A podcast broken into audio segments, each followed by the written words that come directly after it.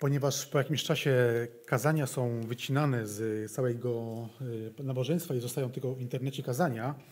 I jeśli się odwołam tylko i wyłącznie do pieśni, którą śpiewaliśmy, to ktoś, kto później obejrzy to kazanie, nie będzie wiedział, dlaczego się do niego odwołuje. Dlatego zacytuję, zacytuję refren. Wszelka władza i moc i majestat są w rękach Twych. Tak władza i moc, majestat są w rękach Twych. Tyś Pan i Król Boży, jedyny Syn. Chodzi o Pana Jezusa.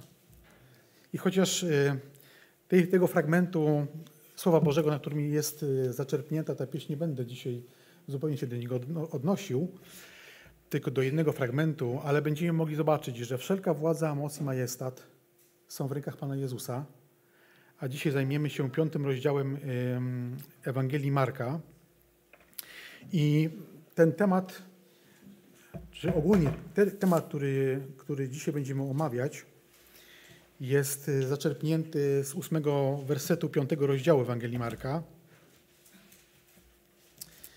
A w ósmym wersecie czytamy słowa Pana Jezusa, który powiedział: Wyjdź duchu nieczysty z tego człowieka.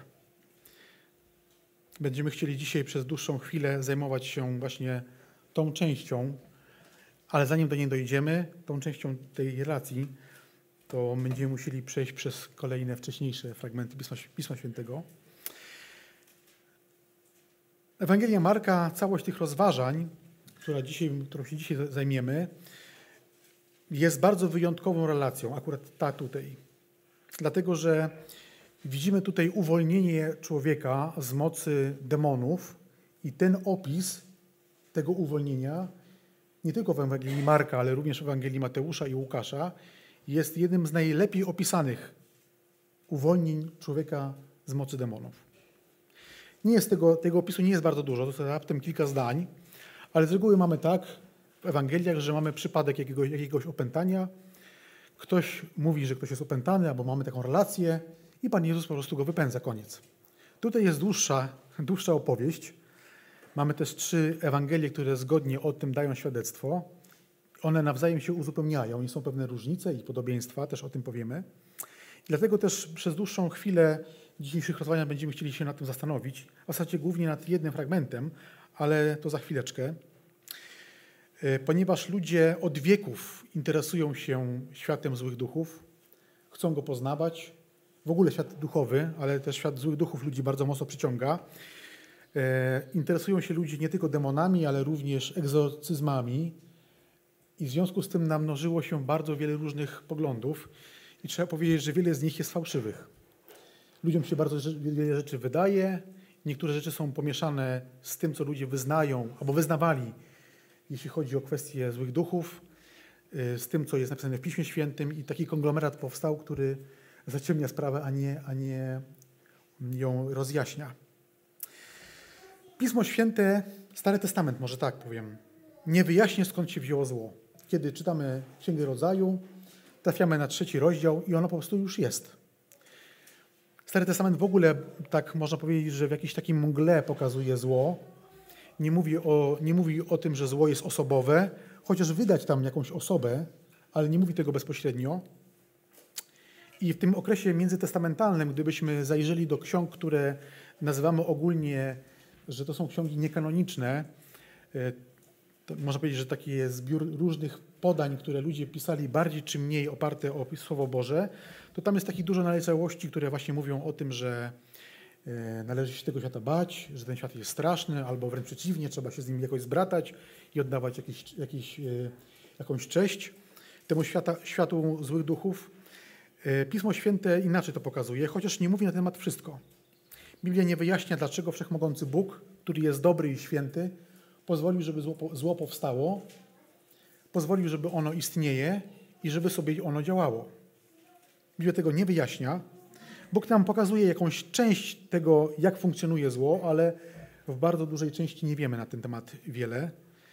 I drodzy, będziemy chcieli w tym temacie postarać się, e, nie postarać, będziemy po prostu ograniczać się tylko do, do tego, co mówi Słowo Boże. Jak zazwyczaj różne pytania stawiam, tym razem też takie pytania postawię jak Bóg sprawuje swoją władzę nad wydarzeniami i jak Bóg sprawuje swoją władzę nad stworzeniami. rozważymy też, jaka z tej władzy wynika korzyść w ogóle dla ludzkości, jaka wynika korzyść dla dzieci bożych. No i takie pytanie na koniec, czy jestem wybawiony od mocy z diabła?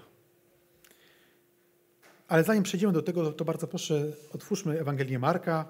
Będziemy też mogli zobaczyć ten fragment, który będę czytał na, rzutniku. Ja będę czytał z uwspółcześnionej Biblii Gdańskiej. Piąty rozdział od pierwszego do piętnastego.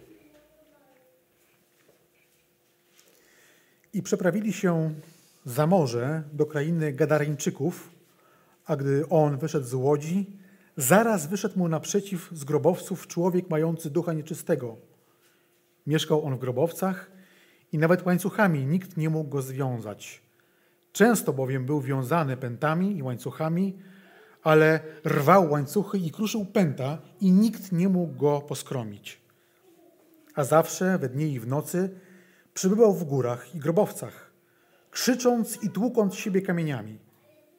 Gdy więc zobaczył Jezusa z daleka, przybiegł i oddał mu pokłon, a wołając donosnym głosem powiedział: Cóż mam z Tobą, Jezusie, synu Boga Najwyższego? Zaklinam Cię na Boga, abyś mnie nie dręczył. Powiedział mu bowiem: Wyjdź, duchu nieczysty, z tego człowieka. I zapytał go: Jak ci na imię? A on odpowiedział: Na imię mi legion, bo jest nas wielu. I prosił go bardzo, aby nie wyganiał ich z tej krainy. A pasło się tam w pobliżu góry wielkie stado świń. Wszystkie te demony prosiły go: Pościg nas te świnie, abyśmy mogły nie wejść. Jezus zaraz im pozwolił. A duchy nieczyste, wyszedłszy, weszły w świnie. Wtedy stado liczące około dwóch tysięcy ruszyło pędem po urwisku do morza i utonęło w nim. Ci zaś, którzy paśli świnie, uciekli opowiedzieli o tym w mieście i we wsiach. I wszyscy ludzie przyszli, wyszli, aby zobaczyć, co się stało. Przyszli więc do Jezusa i zobaczyli tego, który był opętany, którym był legion demonów, jak siedzi ubrany i przy zdrowych zmysłach. I bali się. Jak wspomniałem wcześniej, jest ta relacja również opisana w, trzech innych Ewangel- w dwóch innych Ewangeliach i będziemy musieli również do nich zajrzeć, ale to za chwilę, jeszcze tylko w słowo wstępu. W Ewangelii Marka, pierwszym rozdziale, 23 do 27 wersetu, tylko przytoczę, to tam jest napisane i na pewno sobie skojarzymy. Tam jest taki moment, w Marka jest to pierwsze, pierwsze miejsce, w którym Pan Jezus wypędza demony i tam jest opis, jak Pan Jezus jest w Kafarnaum. W Kafarnaum jest w synagodze i w synagodze jest człowiek, który ma ducha nieczystego. I on tam pewnie regularnie przychodzi na czytanie słowa i dobrze się czuje, ale nie czuje się dobrze, jak spotyka się z Panem Jezusem. I wtedy ten duch nieczysty atakuje słowa Syna Bożego. I wtedy też mamy e, taką pierwszą markową opowieść o tym, jak Pan Jezus, no można powiedzieć, e, dokonuje tego oczyszczenia człowieka. I egzorcyzmy w czasach Pana Jezusa. Egzorcyzmy mam tutaj to na myśli to, co jest zawarte w tym słowie, czyli uwolnienie człowieka od nieczystego ducha, od bezpośredniego wpływu na człowieka nieczystego ducha. I egzorcyzmy w czasach Pana Jezusa nie, była, nie były jakąś rzadkością. Wiemy z przekazów pozabiblijnych, że rabini i ich uczniowie potrafili takie rzeczy dokonywać. Używali takich formuł magicznych czy zaklęć, specjalnie dobranych słów, żeby przemawiać do ducha, który był w danym człowieku, no i go usuwać. Ale te zaklęcie powodowały też to, że trafiali na przypadki, które były dla nich beznadziejne. Po prostu nic nie mogli zrobić, bo albo nie mieli, nie mieli takich zaklęć, albo po prostu ten duch nieczysty powodował, że człowiek był niemy i głuchy i nie było możliwości z tym duchem przez tego człowieka nawiązać kontaktu. Ale Pan Jezus używa zupełnie innej metody. Można powiedzieć, że, można powiedzieć, że innej techniki. Nie używa żadnych zaklęć, nie selekcjonuje słów, ale Pan Jezus uwalnia ludzi spod bezpośredniego wpływu złych duchów. Mm. Jest to jednoznaczny obraz tego, że jest to osoba boska, że jest to majestat Boga, że w Chrystusie jest posłannictwo Boga. Żaden, żaden przypadek opętania dla Pana Jezusa nie był bardziej trudny, bardziej łatwy. Wszystkie w zasadzie załatwiał w taki sam sposób. Słowem, krótkim rozkazem wyjść z tego człowieka. Czy był to jeden demon, czy cała zgraja demonów? Jedno proste zdanie. I one się słuchały. To był autorytet i władza nad każdym demonem. Czy ich było bardzo dużo, czy tylko jeden, to nie stanowiło dla Pana Jezusa żadnej różnicy. Ciekawe jest, że y, egzorcyzmy nigdy nie są opisane w darach Ducha Świętego w Piśmie Świętym. Pan Jezus też tego nie rozwija, a apostołowie też tego nie rozwijają. Są różne dary ducha, poznanie, proroctwa, y, języki, ale nie ma darów ducha egzorcyzmu. I tu stawiam kropkę, bo Pismo Święte też dalej na ten, na ten temat milczy, chociaż mamy w listach relacje, że apostołowie potrafili takie rzeczy robić z natchnienia Ducha Świętego, ale na ten temat nie ma żadnych darów. Dlatego rozważając dalsze fragmenty, będziemy chcieli trzymać, ja się będę chciał trzymać ściśle Słowa Bożego, żeby nie wyjść poza to, co Słowo Boże mówi na ten temat, co Nowy Testament nam tutaj mówi. Dlatego, Nowy Testament, że on, dlatego, że Nowy Testament więcej na ten temat mówi niż Stary Testament. To jest oczywiste. Z racji tego, że objawienie jest progresywne, a nie stałe.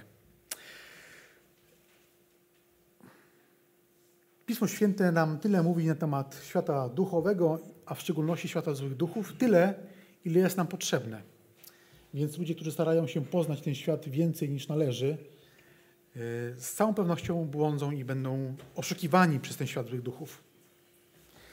Nowy Testament jasno rozróżnia egzorcyzm, czyli uwolnienie człowieka od wpływu bezpośredniego złego ducha, od choroby. Chociaż zewnętrzne przejawy takiego i takiego człowieka są takie same, albo wręcz identyczne. Na przykład w Ewangeliach i w Nowym Testamencie czytamy o takich, o takich objawach jak brak zdolności mówienia, brak zdolności mówienia i ślepota, padaczka, ogromna siła, konwulsje, paraliż. Mogą one występować razem, mogą występować oddzielnie w różnych połączeniach. Ale Nowy Testament mówi, że są objawy chorobowe, które mają takie znaki i są znaki opętania, które również mają takie znaki. I podam tylko jeden przykład, ich jest dużo więcej, ale jeden taki przykład chociażby z księgi, z Ewangelii Marka 1,32. Zacytuję ten zdanie. Marek pisze o Panu Jezusie, że kiedy nastał wieczór i zaszło słońce, przynosili do Niego wszystkich chorych oraz opętanych. I takich relacji mamy więcej, że apostołowie robili tą różnicę, kiedy pisali o tych relacjach, robili różnicę między chorym człowiekiem a na przykład rzucającym się tak, z powodu padaczki, a takim, który był opętany przez złego ducha i miał takie same zachowanie. Mówię o tym dlatego, że dzisiaj wielu ludzi, którzy mówią o sobie, że są wierzący, nie są dokładnie, do końca przekonani, że Pan Jezus walczył z demonami, być może tylko z chorobami. A Ewangelii mówią inaczej, że przeciwstawiał się demonom. Teraz zerknijmy do tych dwóch jeszcze innych relacji z Ewangelii Mateusza i Ewangelii Łukasza, i znowu obydwie te relacje znajdziemy w ósmym rozdziale Mateusza i w ósmym rozdziale Łukasza. Bardzo podobne są referencje, ale to tylko akurat w tym miejscu tak jest. Mateusza, ósmy rozdział, 30, 28 werset do 32.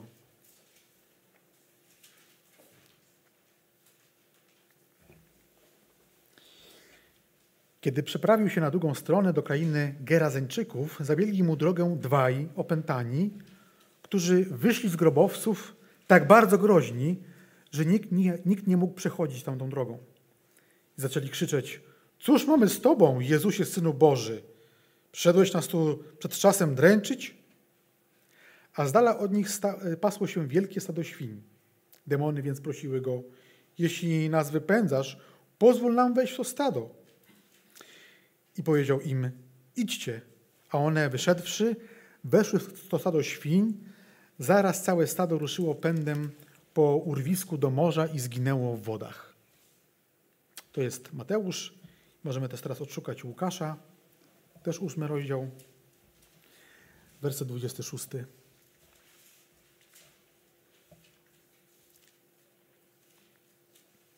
I przeprawili się do krainy Gadaryńczyków, która leży naprzeciw Galilei, a gdy wyszedł na ląd, zabiegł mu drogę pewien człowiek z miasta, który od dłuższego czasu miał demony.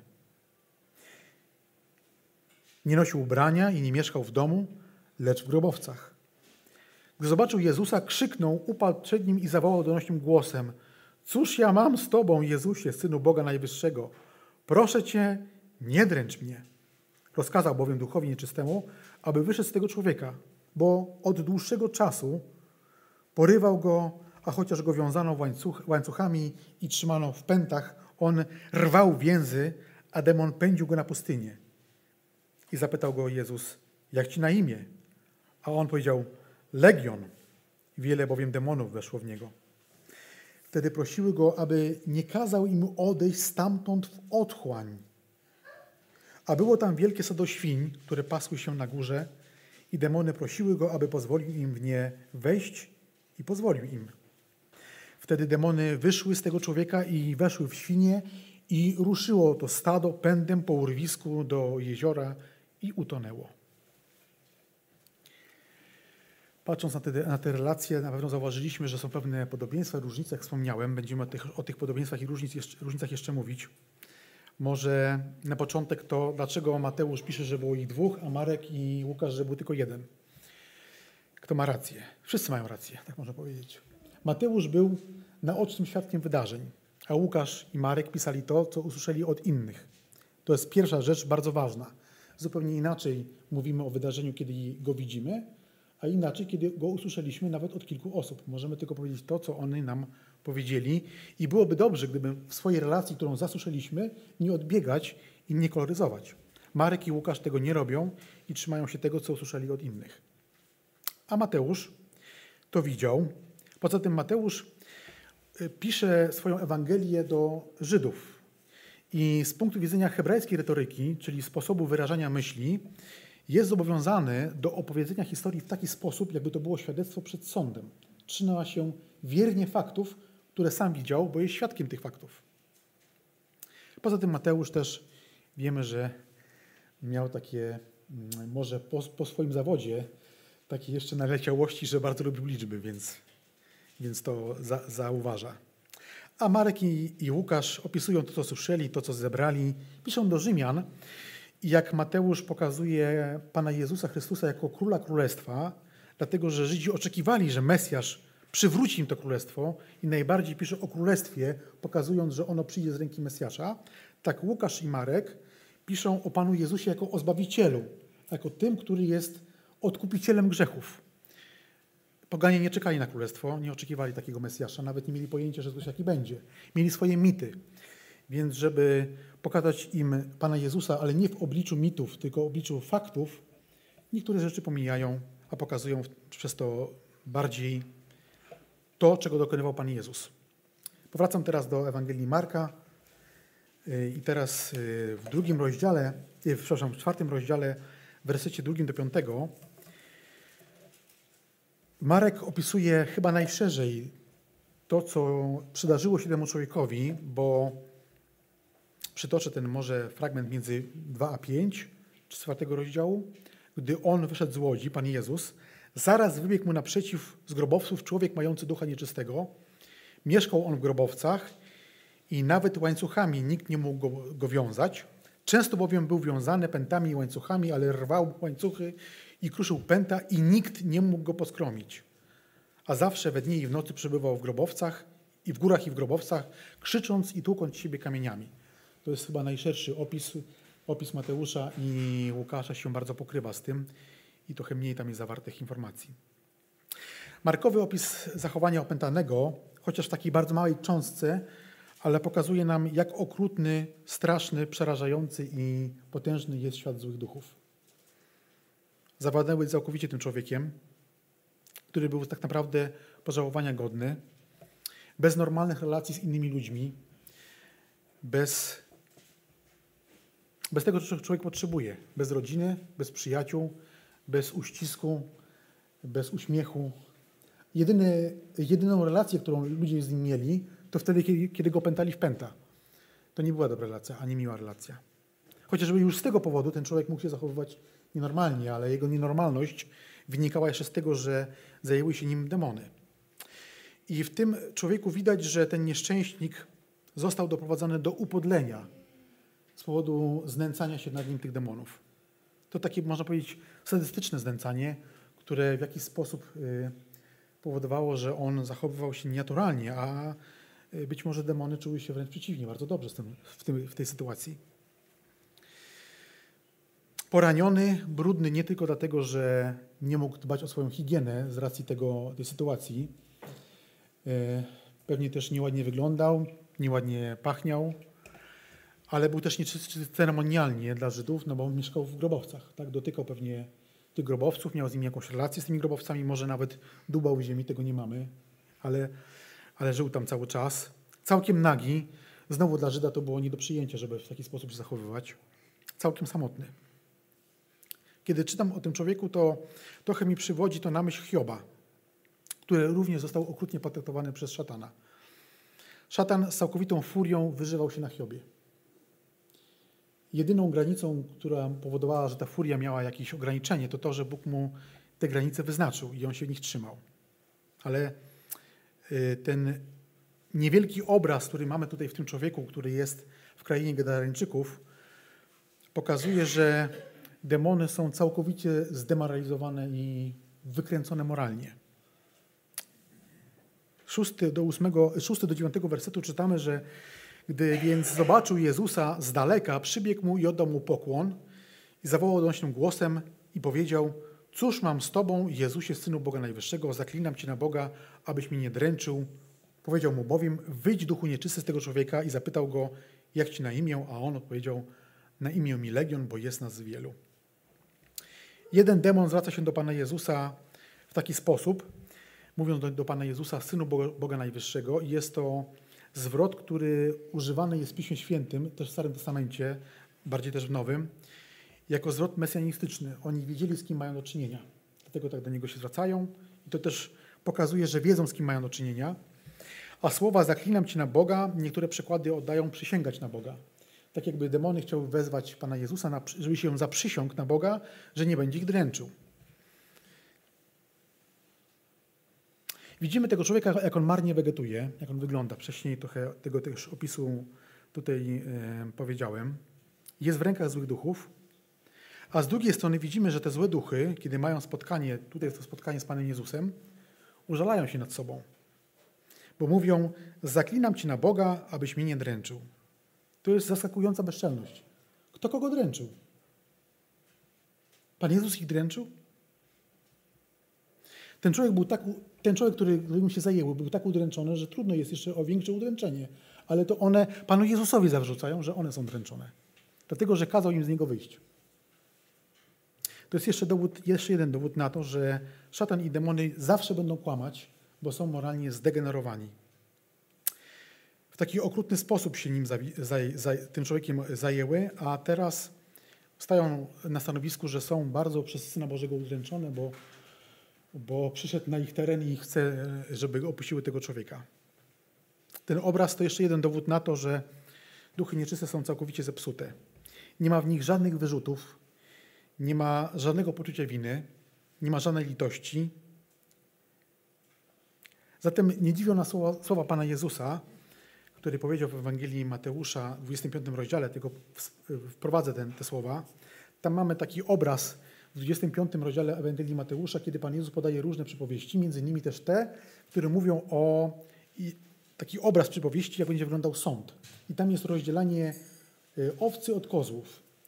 I w 25 rozdziale, a w wersecie 41 zacytuję, to jest jedno zdanie, a król powie do tych, którzy będą po jego lewej stronie, idźcie ode mnie przeklęci w ogień wieczny, przygotowany dla diabła i jego aniołów. Ogień wieczny docelowo przygotowany jest dla diabła i jego demonów. Dlatego, że dla diabła i jego demonów nie ma ojcowskiej łaski, bo oni są zdegenerowani do szpiku. Dla diabła i jego demonów nie ma zbawienia, gdyż są całkowicie przesiąknięci swoim własnym złem i te zło ciągle pomnażają.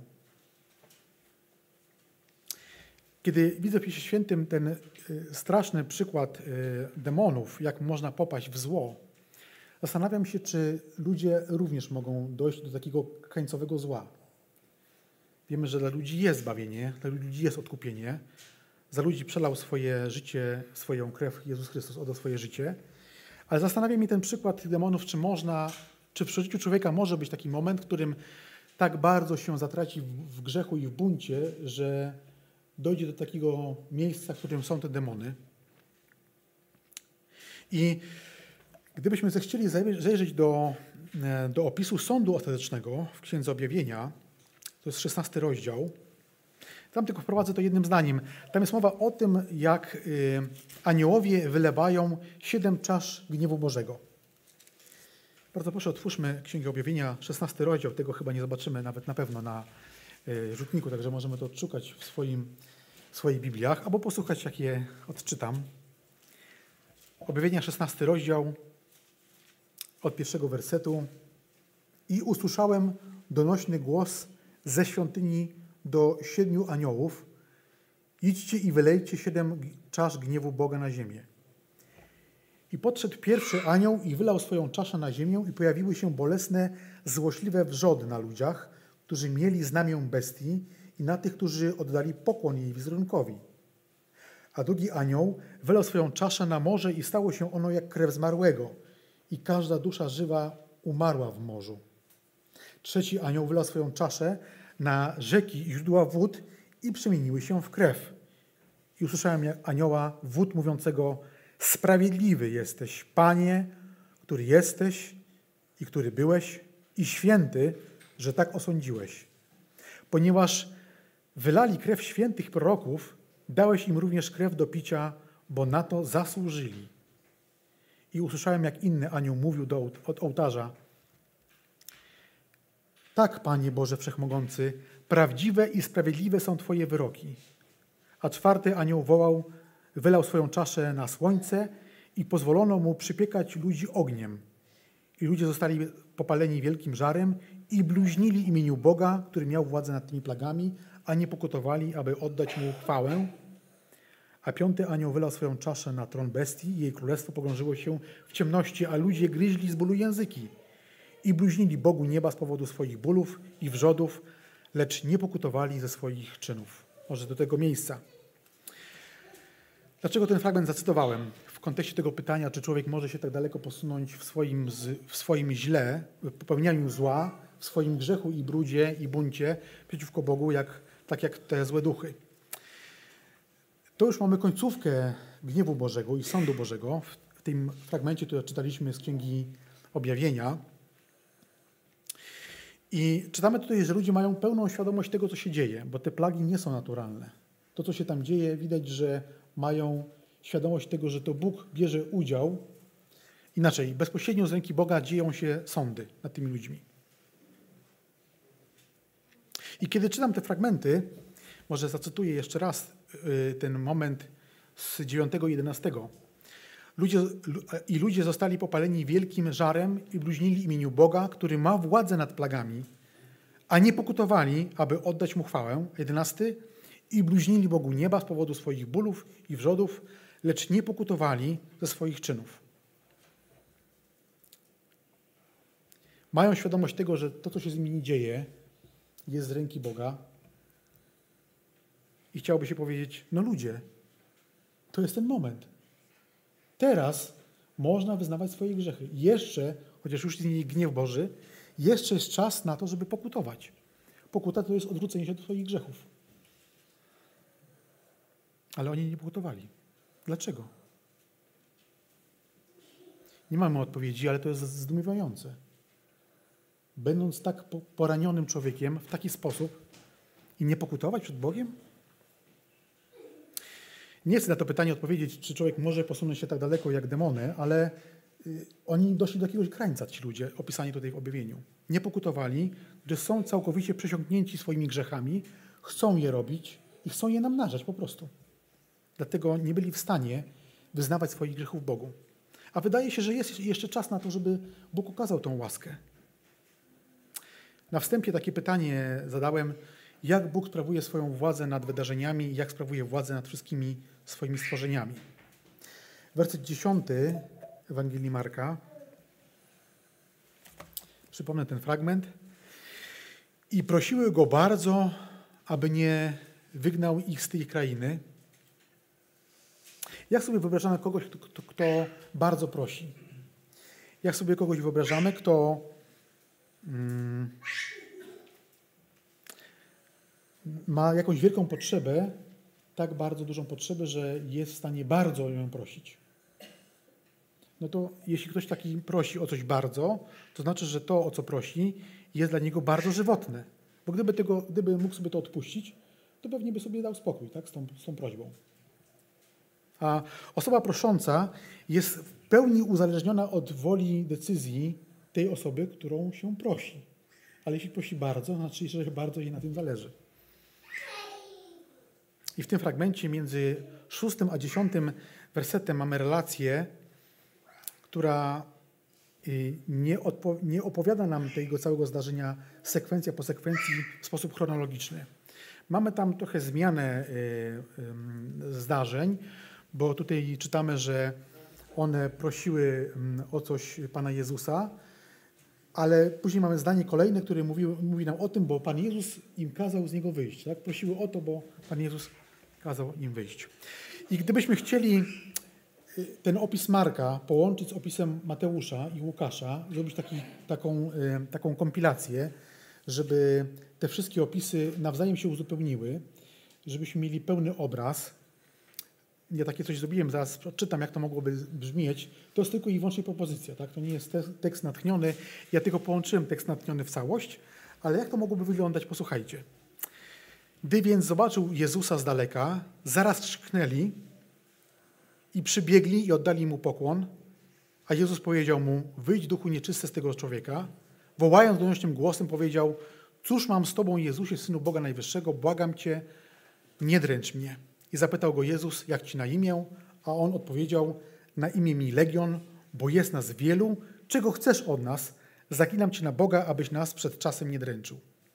A pasło się tam bliżył wielkie stado świń, prosiły go bardzo, aby nie wygnał ich z tej krainy i aby nie kazał im odejść do otchłani, mówiąc, skoro nas wyrzucasz, poślij nas to stado świń. Jezus zaraz im pozwolił, mówiąc, idźcie, a duchy nieczyste wyszedłszy, weszły świnie, no i to całe stado ginie. Tak, gdybyśmy chcieli z tych wszystkich trzech relacji ułożyć jedną całość, to tak można ją uporządkować chronologicznie. Powracam do pytania, jak Bóg sprawuje władzę nad wydarzeniami i nad swoimi stworzeniami. To wydarzenie z Ewangelii pokazuje, że żadne zgło, bez względu na to, jakie wysiłki podejmie, nie jest w stanie Bogu przeszkodzić w realizacji Jego zamierzenia i w Jego woli. Nie może nikt Bogu przeszkodzić w pełnym dokonaniu swojej woli. W całej woli. Bez względu na to, jakie maksymalnie wysiłki podejmie szatan i demony, jak się nawet razem zbiorą i napną, to i tak nie są w stanie nic, nic zrobić. Bez względu na to, jakie siły wrogie Bogu będą całkowicie przeciwne Jego woli, to i tak działając wypełniają Jego wolę. To jest bardzo dziwne. To jest, brzmi jak paradoks. Ktoś czyni wszystko przeciwko mnie, a i tak pełni moją wolę. I tak jest właśnie z szatanem i demonami. To pokazuje, że tylko Bóg jest w stanie nad tym wszystkim zapanować i On jest jedynym władcą, który pozwalając działać złu, może jednocześnie posługiwać się tym działaniami do pełnienia swojej woli. Strasznie nas to zaskakuje, ale tak jest. Słowa Pana Jezusa, wyjdź duchu nieczysty z tego człowieka, są jednoznacznym rozkazem. I duch nieczysty wie, że musi się tego posłuchać. Trochę się ociąga, trochę się zmaga, prosi, ale wie, że tak się będzie musiało stać. Jeśli, jeśli ocenimy liczebność tych demonów w tym człowieku na podstawie tego, że mamy tutaj w tekście słowo legion, gdybyśmy chcieli ten, to słowo ocenić liczebności, biorąc pod uwagę rzymską rachubę wojskową, jeśli chodzi o, o wojskowość, no to mamy mniej więcej około 5-6 tysięcy demonów. Ale nawet jeśli to tylko było, była przenośnia, bo niektórzy komentatorzy mówią, że to jest przenośnia, która wskazuje na ilość, dużą ilość, to i tak te demony się przyznają do tego, że jest ich wielu. Nie jeden, tylko wielu. Pan Jezus, jak wspomniałem wcześniej, z taką samą łatwością rozkazuje jednemu demonowi, który się ukrywał w synagodze, czy w człowieku, który był w synagodze, i z taką samą łatwością mówi całej zgrai demonów, żeby sobie poszły. I tutaj też, czytając ten fragment, przypomniałem sobie kuszenie Pana Jezusa. Diabeł pokazuje Panu Jezusowi w jednym z tych kuszeń wszystkie królestwa świata i oferuje ich władzę, ich potęgę i chwałę i mówi, dam Ci to, jeśli oddasz mi pokłon. I mówi to do, do Pana Jezusa, który jest Panem Panów i Królem Królów. y, Pan Jezus nie kłóci się z nim o to, że tak naprawdę to nie jest jego władza.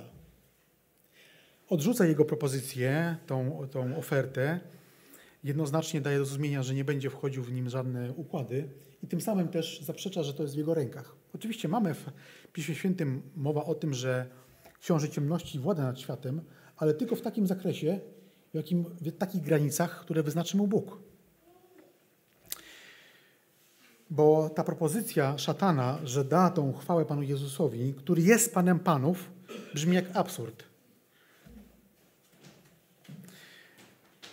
Szatan i demony mogą działać tylko tyle, ile dopuści wszechmogący Bóg. I mamy też tego obraz e, w Piśmie Świętym, chociażby to, co się stało na krzyżu Golgoty. Tyle ludzie mogli zrobić z Panem Jezusem, chociaż wydaje się, że robili z Nim co chcieli, ile wcześniej zapowiedział Bóg, że tak będzie.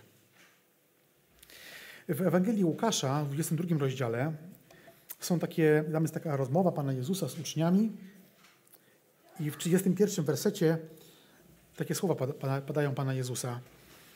I powiedział Pan, Pan Jezus, Szymonie, Szymonie, oto szatan wyprosił, żeby was przesiać jak pszenicę. Wiekuisty Bóg pozwolił diabłu w tym momencie uczniów przesiać jak pszenicę i plewą się okazał Judasz. Ale dlaczego się okazał Judasz, a nie inni apostołowie i Piotr, który zaprzysięgał się również na Boga, że on nie zna Pana Jezusa i to trzykrotnie. Dlaczego nie okazali się oni plewą, a Judasz tak? Z całą pewnością ci ludzie zgrzeszyli, zbłądzili, upadli. I to, że Piotr się zaparł trzy razy, a reszta uczniów nie, to nie powoduje, że oni są w lepszej sytuacji, bo tak samo opuścili Pana Jezusa, jak, jak i Piotr. Więc to stawia ich na równi. Ale zobaczmy, że tylko o ty, wiemy o tym, że Judasz pielęgnuje w swoim sercu niegodziwość, bo kradnie. Od jakiegoś czasu, nie wiem jakiego, ale on kradnie. I nawet kiedy pamiętamy tę sekwencję przy wieczerzy, kiedy Pan Jezus mówi, że zdradzi mnie ten, który macza ze mną w misie, to Judasz nie wiedział, z kim maczał w misie? No chyba wiedział, że on macza z Panem Jezusem w misie. Czy to nie jest tak, że Pan Jezus mówi mu, to jest moment na wyznanie grzechu? Mi się wydaje, że tak jest. Cały czas przed Judaszem jest możliwość, żeby powiedział na osobności chociażby do Pana Jezusa, słuchaj, jestem złodziejem. Kradnę regularnie z, z tej sakiewki i nie mogę się powstrzymać. Pomóż mi. Mógł takie coś zrobić? I czy Mesjasz by go odrzucił? Z całą pewnością nie. A jednak ten człowiek pielęgnuje to, to, to zło w swoim sercu i kiedy dochodzi do konfrontacji, to szatan się nim zajmuje tak bardzo, że, że on zawodzi i okazuje się plewą. Ale tutaj czytaliśmy, że szatan wyprosił sobie, aby ich przesiadł jak pszenicę i Bóg na to przyzwolił. Ale to jest, gdybyśmy odczytali drugą, dalszą część tego wersetu, bo 31 czytamy tutaj, że Pan, mówi, Pan Jezus mówi, że Szymonie, Szymonie, oto szatan wyprosił sobie, żeby was przesiać, ale 32 mówi, lecz ja prosiłem za Tobą, żeby nie ustała Twoja wiara. I wiara Szymona, Piotra, nie ustała. Szymon zapiera się Pana Jezusa, apostołowie też, ale do końca kochają swojego Mesjasza, do końca go wyznają i wierzą w Niego. To, że upadli, nie przekreśla to ich postawy, bo dalej mają w sercu Boga, w przeciwieństwie, do do Judasza. I tutaj też chciałbym przywołać przykład Hioba. Kiedy czytamy relacje z Hioba, nie będę tam już wracał, bo nie mamy na to czasu, ale pamiętamy tą, tą, ten moment, w którym wielokrotnie przychodzi szatan i mówi, no jeszcze ci służy, bo jeszcze nie został tak, tak dotknięty, jakby mógł, ale ja się nim zajmę. I Bóg mówi, zajmij się, zajmij się. I jakbyśmy tak pomyśleli, czy on się zajmował bardzo, czy tylko trochę? Na całego. Tak, na całego. Chciał Bogu udowodnić, że to Bóg się myli. Więc możemy założyć, że szatan zajmował się Hiobem na całego. Ale za każdym razem mógł zrobić tylko tyle, ile Bóg zechciał mu pozwolić. I tutaj wcześniej takie pytanie zadaliśmy sobie, że nie sposób jest powiedzieć, dlaczego Bóg toleruje i pozwala istnieć złu. I Pismo Święte też na to, na to nie odpowiada. Ja też tego nie będę rozwijał, bo nie wiem. Ale widzimy, że zło w rękach Boga, który jest święty i dobry, wykonuje Jego wolę. Jak to ze sobą łączyć? Jak to, jak to pogodzić? Ale widzimy, że tak jest, bo końcowy efekt jest taki, że Hiob mówi, przedtem, kiedy Ci służyłem przed tymi próbami, to tylko słyszałem, że istniejesz, ale teraz zobaczyło Ci moje własne oko. Bóg posłużył się złem, żeby przybliżyć Hioba do siebie. To jest niezwykłe, jak Bóg zaskakuje nas w swoim słowie y, y, w taką formą działania, która wychodzi, wychodzi poza nasze wyobrażenia. W Łukasza 8 rozdziale czytaliśmy ten fragment jako taki fragment y, synoptyczny z Ewangelią Marka. Łukasza 8 rozdział, 31 werset, tutaj czytaliśmy, że złe duchy prosiły Pana Jezusa, aby nie kazał im odejść do otchłani. Tylko, tylko Łukasz używa słowa otchłań. E, co takiego jest w otchłani? Zacząłem się zastanawiać, że demony mówiły, możemy mieć już relacje ze świniami, wszystko jedno, mogą być zwierzęta. Wszystko, ale nie otchłań. Nie mamy dużo opisu na ten, na ten temat w Słowie Bożym, ale musi być tam coś, co powodowało, że były przerażone i prosiły Go bardzo. Wszędzie, ale tylko nie do otchłani. Panie. Co ciekawe, Pan Jezus okazuje im łaskę w jaki sposób jest to łaska, no bo też nie odsyła ich do otchłani, tylko pozwala im wejść świnie. Przypuszczam, że demony nie wiedziały, co zrobią świnie w, taki, w, takim, w takim sytuacji, bo wszystkie zginęły, ale nawet pomijając tą kwestię, bo nie chcę jej rozwijać, to chciałbym jeszcze, jeszcze raz zajrzeć do Księgi Objawienia, bo ona pokazuje nam, jaki jest finał działania szatana, a jest on po prostu upadkiem. Pokazuje nam, że Bóg kończy bunt szatana. Księga Objawienia odsłania nam że wszystko, czego chciał dokonać, dokonuje i będzie dokonywał szatan, to tak jakby się potykał o własne nogi cały czas. Zobaczmy dziewiąty rozdział Księgi Objawienia, pierwszy werset.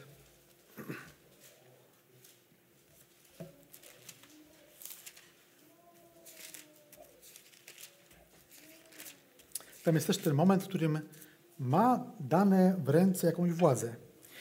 I, zobacz, I zatrąbił piąty anioł i zobaczyłem gwiazdę, która spadła z nieba na ziemię i dano jej klucz do otchłani. To jest ta sama otchłań, o której mówił Łukasz. Gwiazda, e, taka trochę personifikacja tej gwiazdy, bo to nie jest przedmiot, tylko chyba osoba, wszystko na to wskazuje, bo ona otrzymuje klucz. No gwiazda by nie mogła otrzymać klucza, musi być to ktoś. I ten klucz otwiera otchłań. Jak byśmy czytali dalej, tego nie będę robił, tylko wspomnę, gdybyśmy czytali dalej, ten, dalej to z tej otchłani nie wychodzi nic dobrego. Wychodzi tam rozszalała szarańcza, która wyobrażana jest przez jazdę konną, tak to jest opisane, która dokucza ludziom przez pięć miesięcy, też tego nie będę wchodził, czy to jest pięć miesięcy literalne, czy nie, to jest nieistotne, ale chodzi o to, że mamy tutaj kolejny obraz tego, że Bóg w czasach końca daje możliwość działania złym ciemno, mocą ciemności w jakiś ograniczony sposób. One się mogą wydostać z otchłani. W końcu są wolne jakaś gwiazda, która otrzymała klucz od tej otchłani ich wypuszcza. No i wtedy też ich działanie jest ograniczone do tego, żeby dokuczać ludziom. To jest kolejny dowód, że moce ciemności są całkowicie uzależnione od zakresu pozwolenia, które wykracza, wyznacza Bóg. I Bóg wtedy kończy ich oddziaływanie, kiedy zechce, a nie wtedy, kiedy one się naszaleją. To jest kolejny paradoks, gdzie diabeł i złe duchy też wpisują się swoim przeciwem, sprzeciwem w pełnieniu woli Bożej. Nie chcąc ją pełnić, właśnie ją pełnią. Zobaczmy 20 rozdział. To już jest końcówka końcówek, można powiedzieć. 20 rozdział objawienia, pierwszy, trzeci werset. To już chyba zobaczymy na rzutniku. I siódmy, dziesiąty. I zobaczyłem anioła stępującego z nieba, mającego klucz do otchłani i wielki łańcuch w ręce i chwycił smoka, węża starodawnego, którym jest szatan i diabeł i związał go na tysiąc lat i rzucił go do otchłani, zamknął go i opieczętował, aby już nie zwodził narodów, aż się dopełni tysiąc lat. Potem musi być, yy, musi być wypuszczony na krótki czas. Tu się zatrzymam. Wyszli z otchłani, ale teraz wszyscy wracają. Nie mają żadnej możliwości decyzji o tym, co się będzie z nich działo, bo decyduje o tym Bóg. I co ciekawe, w pierwszym wersecie czytamy, że nie zajmuje się nim Pan Jezus.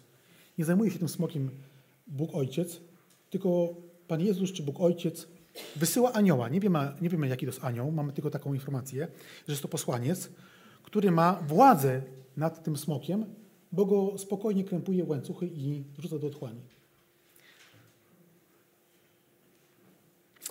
Siódmy, siódmy werset. A gdy się skończy tysiąc lat, szatan zostanie wypuszczony ze swego więzienia, wyjdzie, aby zwieść narody, z czterech krańców ziemi, Goga i Magoga, by zgromadzić się do bitwy, a ich liczba jest jak piasek morski i wyszli na szerokość ziemi i otoczyli obóz i miasto umiłowane. No i co można by powiedzieć? Dalej wielka bitwa, tak? Monumentalna wielka bitwa yy, ostateczna. Ale nie, mamy takie zdanie. Stąpił jednak ogień od Boga z nieba i pochłonął ich. Bóg nawet nie podejmuje tej e, wyzwania tej walki. Po prostu unicestwia wszystko i wszystkich. Dziesiąty, a diabeł, który ich zwodził, został wrzucony do jeziora ognia i siarki, gdzie jest bestia i fałszywy prorok i będą męczeni we dnie i w nocy na wieki wieków. Piekło czy jezioro ognia to nie jest, tak jak mówią wielu ludzi, czas na dobrą zabawę, zabawę z diabłem. Diabeł nie będzie się tam bawił. Diabeł i demony są przerażone tym miejscem. Otchłań już ich przeraża. A jezioro ognia.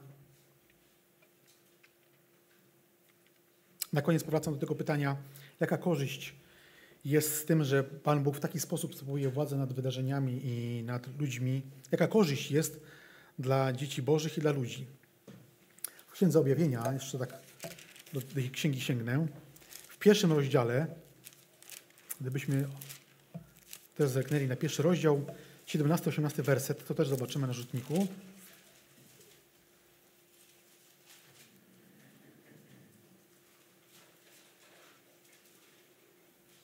Czytamy. Gdy go zobaczyłem, padłem do jego stóp jak martwy i położył na mnie swą rękę, mówiąc: Nie bój się. Ale posłuchajmy od 12. I odwróciłem się, aby zobaczyć, co to za głos mówił do mnie. A gdy się odwróciłem, zobaczyłem siedem złotych świeczników, a pośród siedmiu świeczników kogoś podobnego do Syna Człowieczego, ubranego w długą szatę i przepasanego na piersi złotym pasem.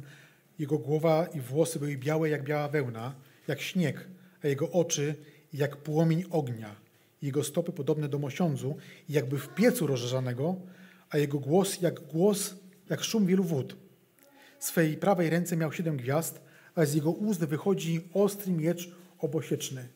Jego oblicze było jak słońce, gdy świeci w pełni swojej mocy. Tak się złożyło, że dzisiaj mamy słoneczny dzień. Jan widzi Pana Jezusa z takim obliczem. Wyjdźmy po nabożeństwie na słońce i popatrzmy na słońce bezpośrednio. Tutaj mamy opis, że Pana, że Pana Jezusa oblicze było jak słońce, gdy świeci w pełni swojej mocy jak długo można patrzeć, czy w ogóle można patrzeć na, na takie słońce. Nic dziwnego, że Jan pisze, gdy go zobaczyłem, padłem do jego stóp jak martwy. Chyba dlatego, że nie mógł tej całej chwały znieść, która go przytłoczyła, tak uwielbionego Pana Jezusa, pełnego chwały, mocy i potęgi. Gdy go zobaczyłem, padłem u jego stóp jak martwy i położył na mnie swoją rękę, prawą rękę, mówiąc, nie bój się, ja jestem pierwszy i ostatni i żyjący, a byłem umarły, a oto żyję na wieki wieków i mam klucze piekła, czyli jeziora ognia i śmierci. To Pan Jezus dowodzi, czy zarządza tym, co tam się będzie działo. Drodzy, e, analizujemy ten, ten, ten, ten fragment, czerpiąc z innych miejsc Słowa Bożego, bo mamy tu opis w Księdze Objawienia, w tym pierwszym rozdziale, opis Pana Jezusa, opis naszego Zbawiciela, który, kiedy przejdziemy do Ewangelii, to widzimy tam Pana Jezusa, który bierze na kolana dzieci. Przytula je, błogosławi, głaszcze. Mamy też opis Pana Jezusa w Ewangeliach, który jest, wydaje się, bezradny, bo przybity do krzyża i ludzie z niego drwią. Mamy też w Ewangeliach opis Pana Jezusa, na której jego piersi wspiera się wcześniej Jan, pytając się, Panie, kto jest zdrajcą? Czyli takie obrazy, widać, że no, jest pod władaniem ludzi, bo przybity do krzyża, y, taki ciepły człowiek, można powiedzieć. Ale Jan w objawieniu nie widzi takiego Pana Jezusa, którego, z którym można zrobić i przybić go, do, przybić go do krzyża. To jest ten sam Pan Jezus z Ewangelii z objawienia. To jest ten sam, ale już nie taki sam. Tu jest uwielbiony, pełen boskiej chwały, który właśnie realizuje wolę Boga i dokonuje sądu.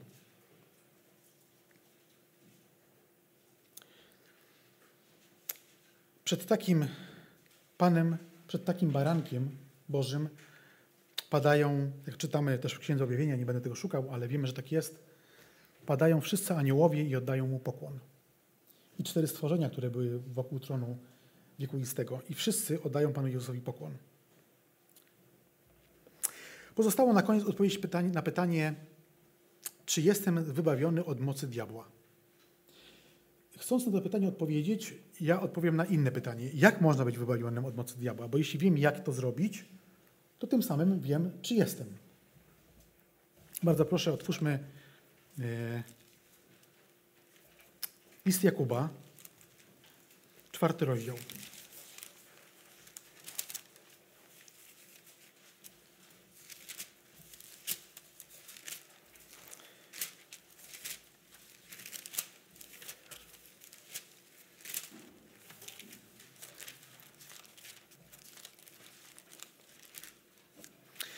Werset szósty, a w zasadzie szósty werset, część B.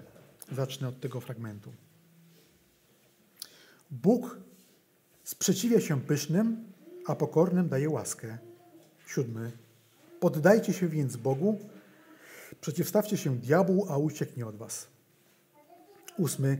Zbiście się do Boga, a On zbliży się do was. Obmyjcie ręce grzesznicy i obmyjcie serca ludzie dwoistego umysłu. Dziesiąte uniście się przed Panem, a On was wywyższy. To jest recepta, czy odpowiedź na pytanie, czy jestem wybawiony od mocy diabła, czy jak być od niej wybawiony. Właśnie tak.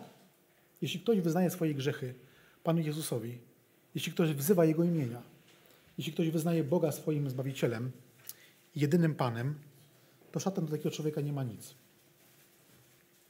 Jeśli jesteśmy przed Bogiem ukorzeni, jestem, jestem przed Bogiem w pokucie, przed Nim stoję, to cóż, cóż może mi się stać jako dziecku Bożemu?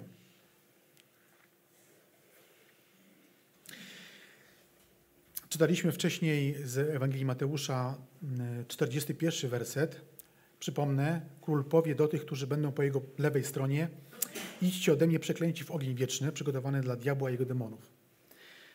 Ale Y, gdybyśmy w tej całej przypowieści sądu cofnęli się do 34 wersetu, też go, też go zacytuję, to w 34 wersecie 25 rozdziału Ewangelii Mateusza czytamy i postawi owce po swojej prawej stronie.